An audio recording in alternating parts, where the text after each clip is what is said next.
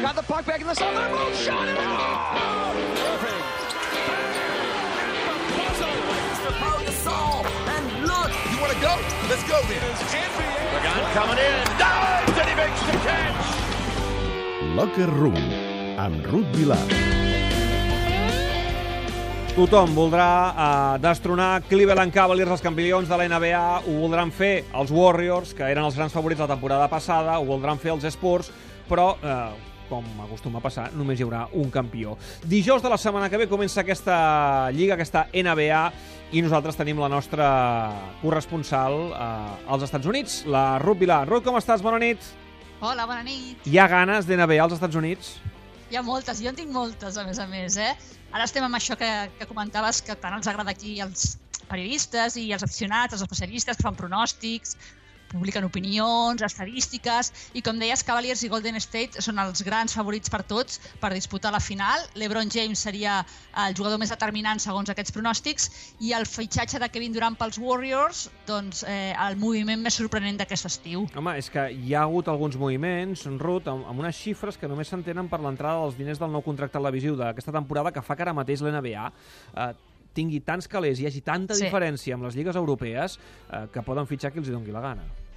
Totalment d'acord, David. Pensa que això és com el joc aquest de, del dòmino, que poses les fitxes i en fas caure una i cauen totes. Doncs aquest any, amb l'entrada en vigor d'aquest nou contracte pels drets televisius que han signat ESPN, TNT i l'NBA, és un contracte que gairebé triplica l'anterior i ens estem movent en xifres de 2.000 milions d'euros per temporada.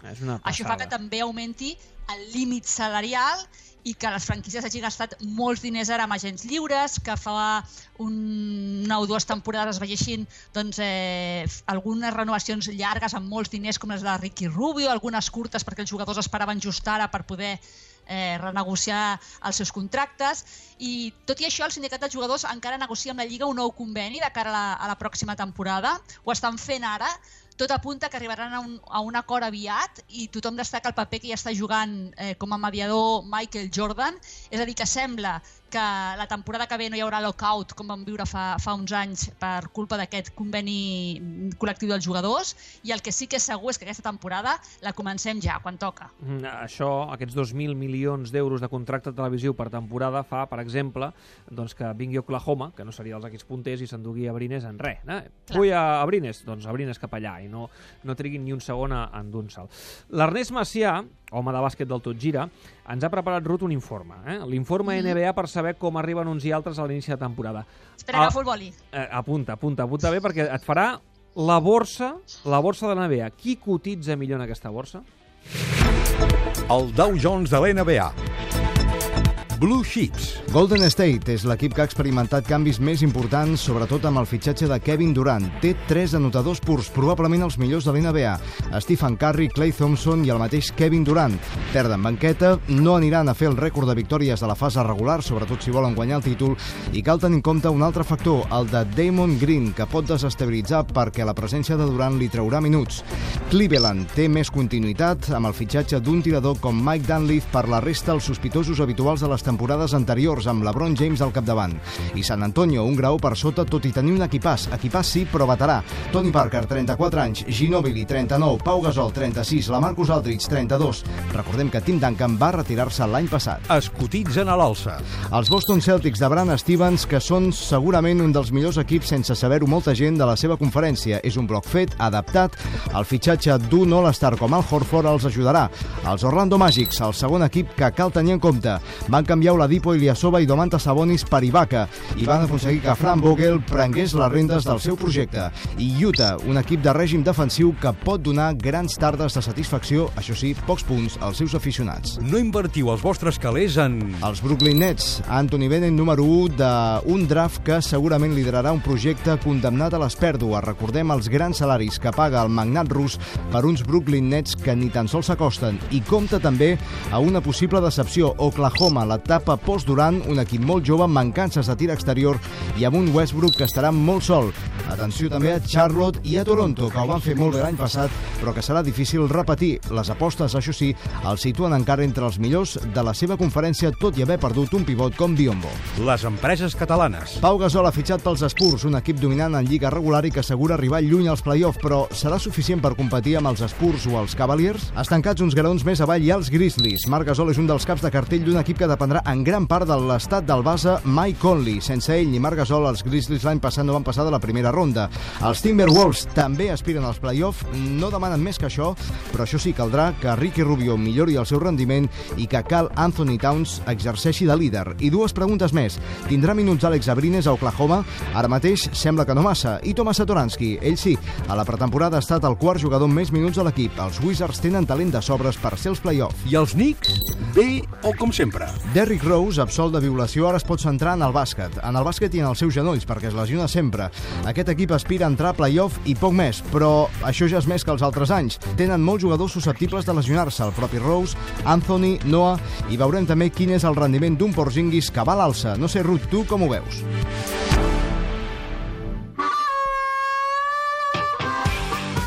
Veure, Ruth, has apuntat bé tot i t'ha fet una pregunta, eh? he El com ho veus, tu? Sí, sí. Home, tu ets d'aquí de Nova York, vas amb els Sí. Knicks en aquesta NBA? Eh... Són uns losers, eh? Aquest... Sigues sincera. Aquí, els hi diuen un underdogs. Underdogs. Eh, aquesta temporada, sí, aquesta temporada una mica més, perquè a mi Rose m'encanta. És veritat que les lesions eh, li han passat factura, però és un jugador que m'agrada moltíssim.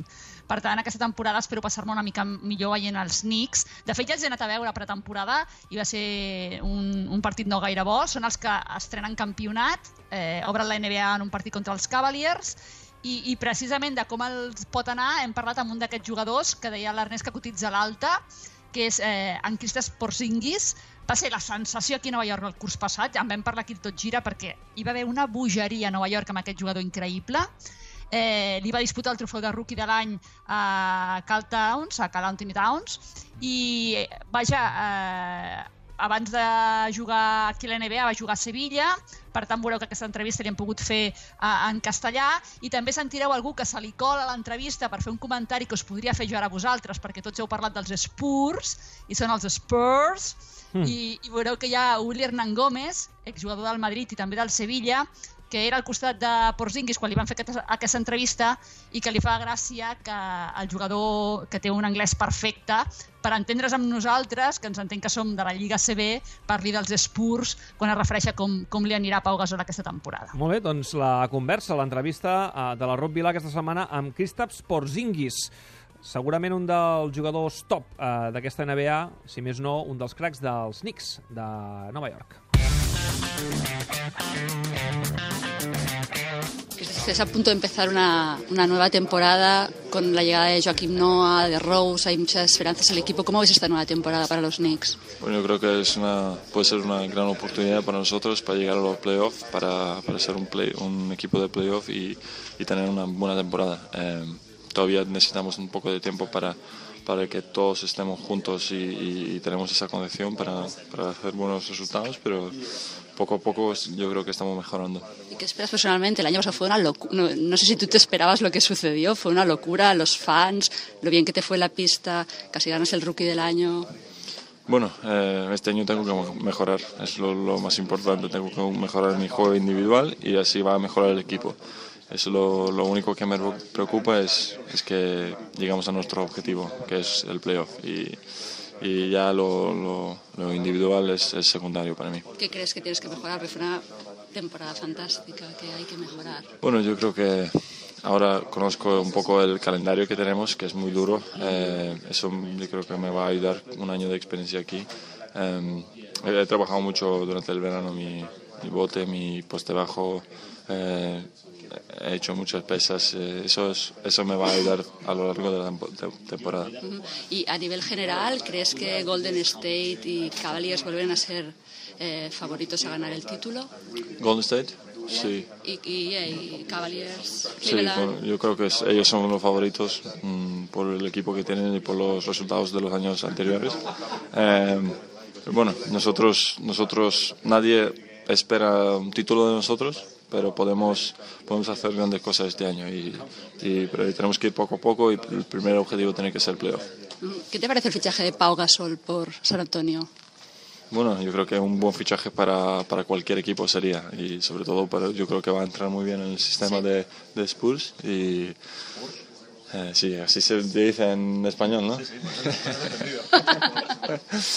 y es un gran jugador, él tiene muchísima experiencia y ah, Billy ha tenido la suerte de aprender de él. Ahora está aquí Billy. Esta temporada han llegado otros jugadores europeos también de ACB. No sé si crees que el Chacho es el que lo tiene mejor para que le vaya bien ya porque tiene experiencia aquí. ¿Cómo ves al resto? Eh, ¿Cómo que en el Chacho?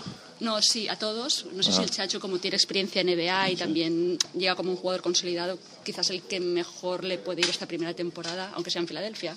Sí, yo creo que él va, va, va a jugar mucho y lo va a hacer muy bien, muy bien porque tiene muchísimos años de experiencia, ha estado ya aquí, sabe cómo funciona esto y, y en, un, en un equipo de, como Filadelfia yo creo que él, él va a ser el base que controla el juego y, y, y eso es que es muy bueno. Al final es, es muy bueno y seguro que va a hacer buenos números este año. ¿Sigues ACB todavía desde aquí o no puedes seguir la ACB? Es un poco difícil por, por la, el time zone, eh, pero intento, intento seguirlo lo máximo posible, sobre todo a mi, a mi equipo, que todavía juega mucha gente que, con los que he jugado juntos, yo y Billy, eh, así que intento seguirlo lo máximo posible. Gracias. Gracias. Cristas Porzingis, el crac de New York Knicks amb la Rod Vilà a pocs dies que comenci aquesta, aquesta lliga. Um, jo sempre he sigut uh, seguidor dels Lakers. Jo també. Em els sap greu per tu, aquesta. Ja ho sé, però, mira, vaja. no, no sé si el Macià hi ha fet referència, perquè ja, ja Només com que no compta que, les travesses... que els seus bases són Marcelinho Huertas i José Calderón, amb Va, tot el meu respecte respecte, pels dos. un respecte, un Uh, respecte. jo era molt fan de Mercè Huertas quan jugava al Barça, eh? però clar, jugadors veterans, jugadors uh, amb un ritme que no es pot jugar a la NBA, per tant, no t'ho passaràs Jo quan era aquest petit, petit, petit, me'n recordo d'Abdul Jabbar i em queia la bava. Eh, Jo era Magic Celtics, tu. Johnson... Jo era del eh, Celtics. Jo era una Bad Boys. Worthy... Hòstia, que, que, que bé, eh? érem dels tres segurament grans d'aquelles èpoques, eh? Jo era molt d'Isaiah Thomas. Jo, jo vaig, mira, vaig, quan vaig estar als Estats Units l'última vegada, vaig poder ser al pavelló dels Pistons, que és dels més grans dels Estats Units. És impressionant. I, Que diuen que està situat en un dels barris més perillosos de tots Sí. els Estats Units. Sí, sí, no, no vaig Allà a gaire per fora. Però em va semblar un pavelló espectacular. Uh, però vaja, veurem què és el que passa. Dijous comença la NBA i Aviam la, la Ruth que, que estarà pendent. Quin és el primer partit que tens aquí a Nova York? Ho tens uh, present, Doncs Marc? Gasol. Ah, Marc Gasol, molt bé, Que per bé. començar. Sí, contra els Knicks, sí, sí. Molt bé, perquè a més el Marc torna d'una lesió, fa temps que no sabem Mm. com està, és a dir que sí, sí, molt bon partit per començar a, al Madison. Fantàstic, doncs uh, ho explicarem la setmana que ve. Gràcies, Ruth, fins la propera. Adéu, bona nit. Adéu.